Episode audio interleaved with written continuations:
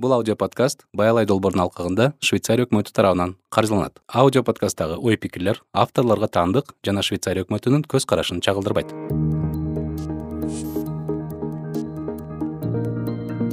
Урматтуу угармандар биз сиздер менен чоң алай районунун жекенди айылына келдик. Ушул жекенди айылында алимбек мырза асыл тукум ири мүйүздүү малдарды көбөйтүүдө чоңойтууда жана көбөйтүүдө иштерин алып барып жүргөн мырзанын үйүнө конокко келдик. Саламатсызбы алимбек мырза. Саламатсыздар. Мынакей сиз үйүңүздү азыр э, баштап жатасыз. Кайсыл асыл тукум породаны багып жатасыз? Биз негизинен ошол абердин ангус породасындагы малды багабыз. Ошол мал эми багабыз эмес балким ошол буканы алып келип ошол жерде өзүбүз андан төл алып дегендей өзүбүздүн жергиликтүү уйларга коюп андан тукум алабыз. Ошондой жол менен иштейбиз.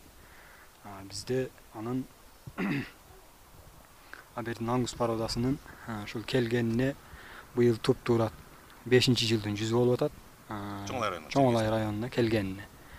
Биринчи болуп ошол салимбек маматалиев деген фермер агабыз алып келген. Биз ошондон көрүп ошонун букасын алып барып коюп ошол аркылуу анан кызыгуу башталган. Ошондон бери мындай менин баштаганыма мен өзүм баштаганыма эки жыл болду. Анан быйыл биринчи жылкы төл эми буга эч кандай бирөөдүн э, немеси же башкасы э, түрткүсү болгон жок. Эми эч кандай жерден жардам деле болгон жок. Бирок э, жардам ошол баялайдын алкагында ошол тест центрдин жардамы менен ушул букалар келген чоң алайга эми ал ангус буканы өзүнчө эле бир адам өзү барып мен ангус бука алып келем деп барып алып келиш кыйыныраак да. Эми ага эксперттер керек болот. Эми таза кандуу таза кандуу эмес экендигин билиш үчүн эксперттер керек болот. Ошол эксперттерди ошол тест центрлер таап жалдап ошолор тандатып алып келип берет. Биз ошолор аркылуу ошолордун жардамы менен сизге ким түрткү болду? бизге түрткү ушуну баштоодо? муну баштоодо бизге түрткү болгон эң негизги ушул атам. Көп неме кылган ушул атам менен кеңешип отуруп ушул нерсени баштаганбыз. Түрткү болгон эми кандай десем?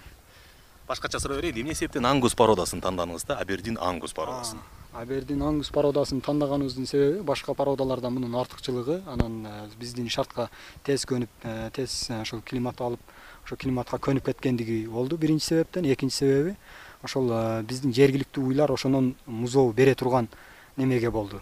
Мисалы музоо бере эле турган положениясы болгондугу үчүн ошого э, ангус породасына неме кылдык да. Биринчи кезекте букалар келди. Туурабы анан андан кийин эле өзүңүздүн деле ушул жерде жүргөн кыргызстандын жайдары уйлар менен арыңдаштырдыңыздар чыкты да. Кандай мындай татаал маселелер туулбадыбы бул нерседе? Бул нерселерден татаал маселе э, болуп болуп турду бир аз эми татаал маселе эле мындан ошол уйларды ошол ангус букадан качырып алуу да аргындаштырып алуу деген маселе болду анан башка эч кандай маселе болгон жок. Эч кандай маселе болгон жок. Мисалы ошол буканы бизге жүз жыйырма миң жүз миң десе эми бир жети сегиз айлык торпокту жүз жыйырма миң десе биз таң калганбыз да башындачы. Анан баялай жок мен биз мына элүү процентин быйылгысын биз көтөрүп беребиз. Быйыл быйылдан кийин элүү процентин төлөйсүң деген э, шартта ошондой тартипте э, баялай ушундай жардам бергендиги себебинен ошол себеп болуп анан фермерлердин көбү ошого аракет кылган да. Ала баштаган. Ошо абердин ангус негизи эле бул эт багытындагы порода да э? Эт багытындагы порода абердин ангус эт багытындагы порода эт алууда абердин ангус демек соргок болобу же кандай болот? Эми эт алыш керек да.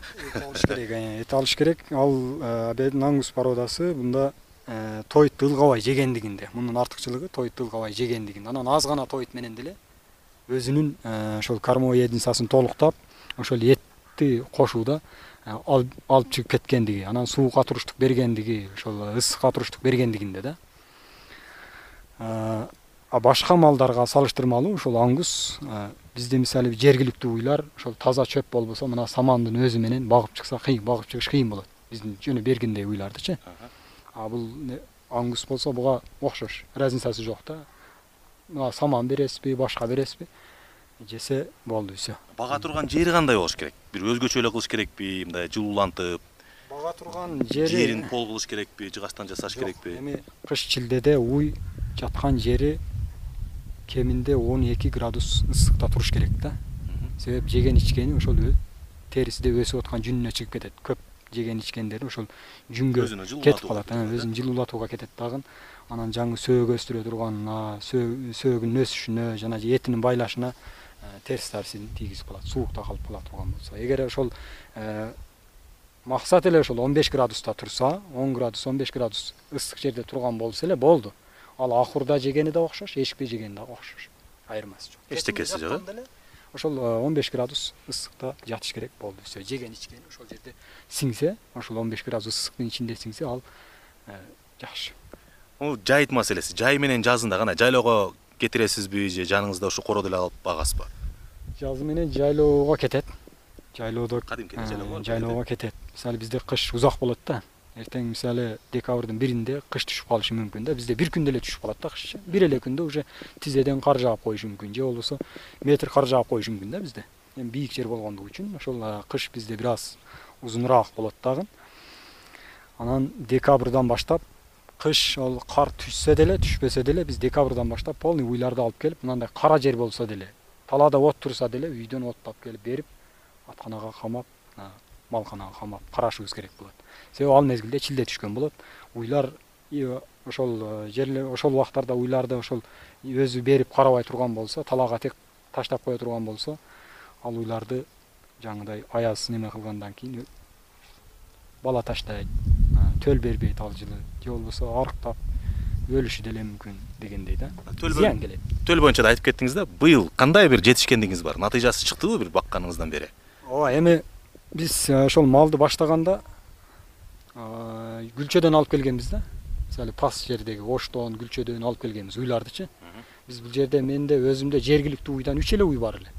Калган ошол он жети баш уй ошол шаардан келген да. Алар эми келгенден кийин анын чоң уйлардын адаптация алышы кыйын болду дагы. Бир төртөө кысыр калып калды. Мындайча айтканда туубай калды төртөө төл бербеди ошол он алты баш уй төл берди. Бир жылда ошол он алты баш уйдан ошол төл алынды. Аңгус породасынан туу десе. Он алты торпок. Он алты торпок. Он алты торпок буюрса ушул. Айырмасы кандай болуп калат экен? Ушу салыштырып көрдүңүз да көз менен. Үч айлык торпок мисалы үчүн. Азыркы торпокторуңуз канча айлык азыркы торпоктор ошол үч айлыктан баштап сегиз айлыкка чейинки торпоктор. Мисалы үчүн ушу үч айлыкты сүйлөп калдым. Үч айлык торпок сизден ушу ангус породосунан алынган торпок жана жергиликтүү эле букадан жергиликтүү эле кунажымдан экөөнүн ортосунун торпоктун айырмасы кандай болуп калат? Айырмасы вес жагынан ошол үч айлык торпоктун бул жердеги ошол сегиз тогуз айлык торпоктордун весин берет үч айлык торпок. Сегиз аңгустун үч айлык торпогу бул жердеги сегиз тогуз он даже он бир айлык торпоктордун деле весин бере берет живой веси анан жетилиши да денеси дене түзүлүшү дагы чоңдугу дагы ошолордой эле болот үч айлык эле. А төрт беш алты жети сегиз айлыктары алар уже чоң эле биздеги эки үч жаштагы букалардын салмактарыны ошолордун дене түзүлүшүнү берип турат да. Кезектеги келечектеги максаттарыңыз кандай болот? Ушу ангус породосун көбөйтүп туруп этке сатуу же асыл тукумдардын бир фермасынбы же кандай бир өзгөчө бир немесин уюштурайын деп жатасызбы азыр? Эми келечектеги максатыбыз ал эт экспорт кылып деген нерсе биздин таптакыр оюбузда жок. Андай нерсе эмес. Эми негизги максатыбыз ушул элибизге жайылса элибиз ушул нерсеге өтсө элибиз да ушул нерсенин пайдасын көрсө деген гана максатта иштеп жатабыз. Ошо келечекте кудай буйруса ошо пилем чарба ачып ошол ангус ангустун таза канды өзүнүн ургачылардан алып келип ушул жерде пилем чарба ачып өнүктүрсөк деген үмүттөрүбүз бар. Ал эгер пилем чарба боло турган эле болсо кудай буйруса өнүгүп кетишине ушул бир төрт беш жылдык эле мөөнөт берилет андан кийин вес баардыгы. Мына азыр элдин деле көзү жетип калды да эл деле көрүп өзүңүздөр деле көрүп келдиңиздер жанагы жарманкеде барып ошол жерде ошол эл баарысы ынанып жатат да бул нерсенин эме болушуна азыр канчалаган быйылкы жылдын эсебиде ошолор жаңы тест центрдин айтуу боюнча он беш жыйырма адам дагы кошулду да. Аңгус породасыга өтөбүз дегендерчи анан жылдан жылга эле жыйырма адамдан өтүп кете берген болсо кудай буйруса бул тез эле өнүгүп кетет деген. Бул менин оюмча мен оюма кошуласызбы деген ойдомун. Негизи бизде кыргызстанда көпчүлүк малды бакканда ири мүздүү малды бакканда же сүт багытында эмес же эт багытында эмес мал жандык барбы багып жатам деп эле ошондо унанып келет. Убактысын коротуп эмгегин коротуп дегендей. Демек сиздин кеңешиңиз кандай? Бир мал бакканда эт багытына толугу менен баш баксынбы же сүт багытына? Же экөөнү бир тең алып кеткенге иш алып барсынбы жакшы суроо бердиңиз. Эми кайсы жерде шарт кандай болгон болсо анан ошол жерде ошонун тартибиге карап ошонун немесине карап э, алып кетиш керек да. Мисалы бизде сүттүн өнүктүрүүнүн эч кандай немеси жок бизде сүт багытындап келе турган болсо бизде сүт ала турган э, чоң алайга. сүт багыты келе турган болсо бизде чоң алайда сүт алып сүттү экспорт кыла турган эч кандай бир мекеме же башка нерсе жок. Ошол себептен бизде ушул эт багыты өтө ыңгайлуу. Биздин чоң алай шартына.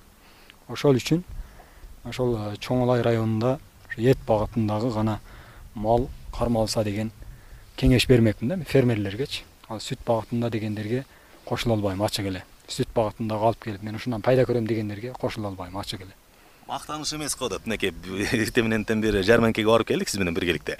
Жармеңкеден ардак грамота алдыңыз. Ушу ардак грамота эмне үчүн алдыңыз? Чоң алай район администрациясы тарабынан.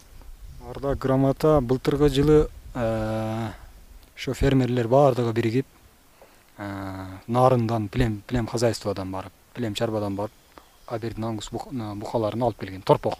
Үч төрт айлык торпоктор келген ошолордун ошол багуу немеси жетилишине багып жеткиришинде ошол чоң алай району боюнча эң жакшы көрсөткүчтү көрсөткөнүбүз үчүн берилди да ал нерсе. Ошол биздин букалар ошол эки жүз отуз килограмм жанагы айтканыбыз эки жүз отуз килограмм өзү келгенде жүз элүү килограмм бирөөсү а бирөө болсо эки жүз элүү килограмм менен келген.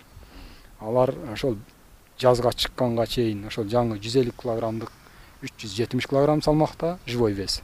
А жаңы эки жүз элүү килограммдык төрт жүз алтымыш килограмм болду. Живой вестери демек менен жыйынтыктап айта кетсек демек ушу абердин ангус породасы биздин кыргызстандын тоолуу шарттуу тоолуу аймактардын ушу шарттарына бат күнө турган аба ырайды ылгабай турган тоюттарды ылгабай турган порода экен да? Э ошондой тоюттарды ылгабай турган. Анан биздин мына бийик жер болгондугу үчүн бийик жерде чөп өтө күчтүү болот да.